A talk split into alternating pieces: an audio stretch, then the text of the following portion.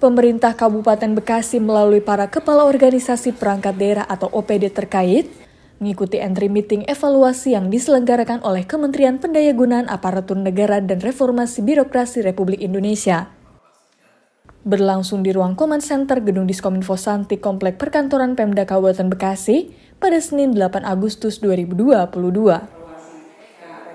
Evaluasi tersebut dalam rangka untuk mengetahui pelaksanaan reformasi birokrasi atau RB dan sistem akuntabilitas kinerja instansi pemerintah atau SAKIP tahun 2022.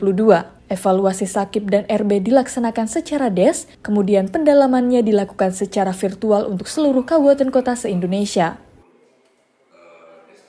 Asisten Administrasi Umum atau ASDA 3 Jauharu Alam setelah mengikuti entry meeting mengatakan, pada hari Selasa Kabupaten Bekasi akan mengikuti penilaian reformasi birokrasi atau RB dan sistem akuntabilitas kinerja instansi pemerintah atau SAKIP tahun 2022 oleh Kemenpan RB.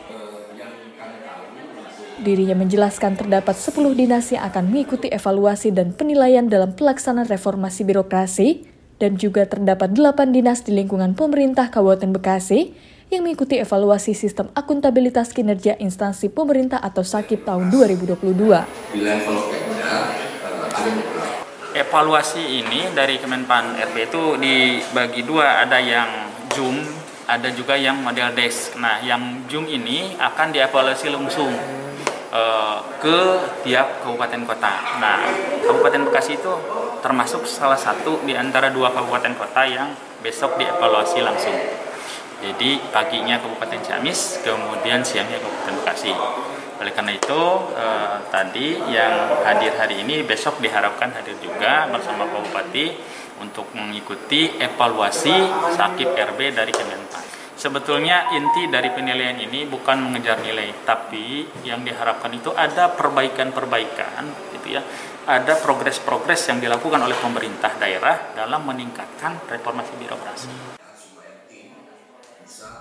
Pada kesempatan yang sama, Kepala Bagian Organisasi pada Sekretariat Daerah Kabupaten Bekasi II Sandra Yanti menjelaskan, dalam evaluasi sistem akuntabilitas kinerja instansi pemerintah atau SAKIP tahun 2022 ini, dinilai dari empat indikator, yaitu perencanaan kinerja, pengukuran kinerja, evaluasi internal, dan pelaporan kinerja.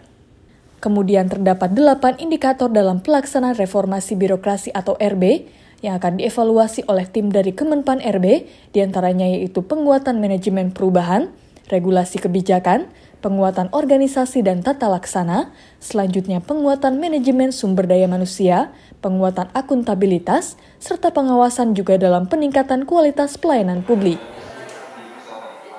Ya, perkembangannya cukup signifikan ya Pak di semua area bahkan kalau untuk uh, area pelayanan publik kita kemarin uh, cukup baik di tahun 2021 kemarin kita dapat predikat uh, zona hijau ya dari Ombudsman RI untuk uh, kualitas pelayanan publik Kabupaten Bekasi. Kemudian juga dari Menpan RB indeks nilai kita juga sudah mendekati 4 ya, artinya sudah baik juga untuk pelayanan publik.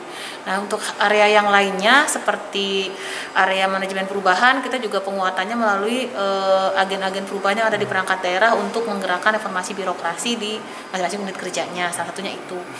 Jadi ada juga reward untuk para agen perubahan tersebut. Kemudian kalau dari area deregulasi kebijakan saat ini kita masih dalam proses inventarisasi dan pemetaan kebijakan-kebijakan yang masih tumpang tindih dan disharmonis gitu ya untuk yang area deregulasi. Untuk penguatan organisasi kita sudah melaksanakan penyederhanaan birokrasi yang secara serempak ya di akhir Desember 2021 kemarin. Untuk perkembangan saat ini kita sedang proses penyesuaian jenis-jenis jabatan fungsional hasil penyetaraannya dengan Kementerian Dalam Negeri yang dinilai eh, ada yang belum bersesuaian dengan kompetensinya.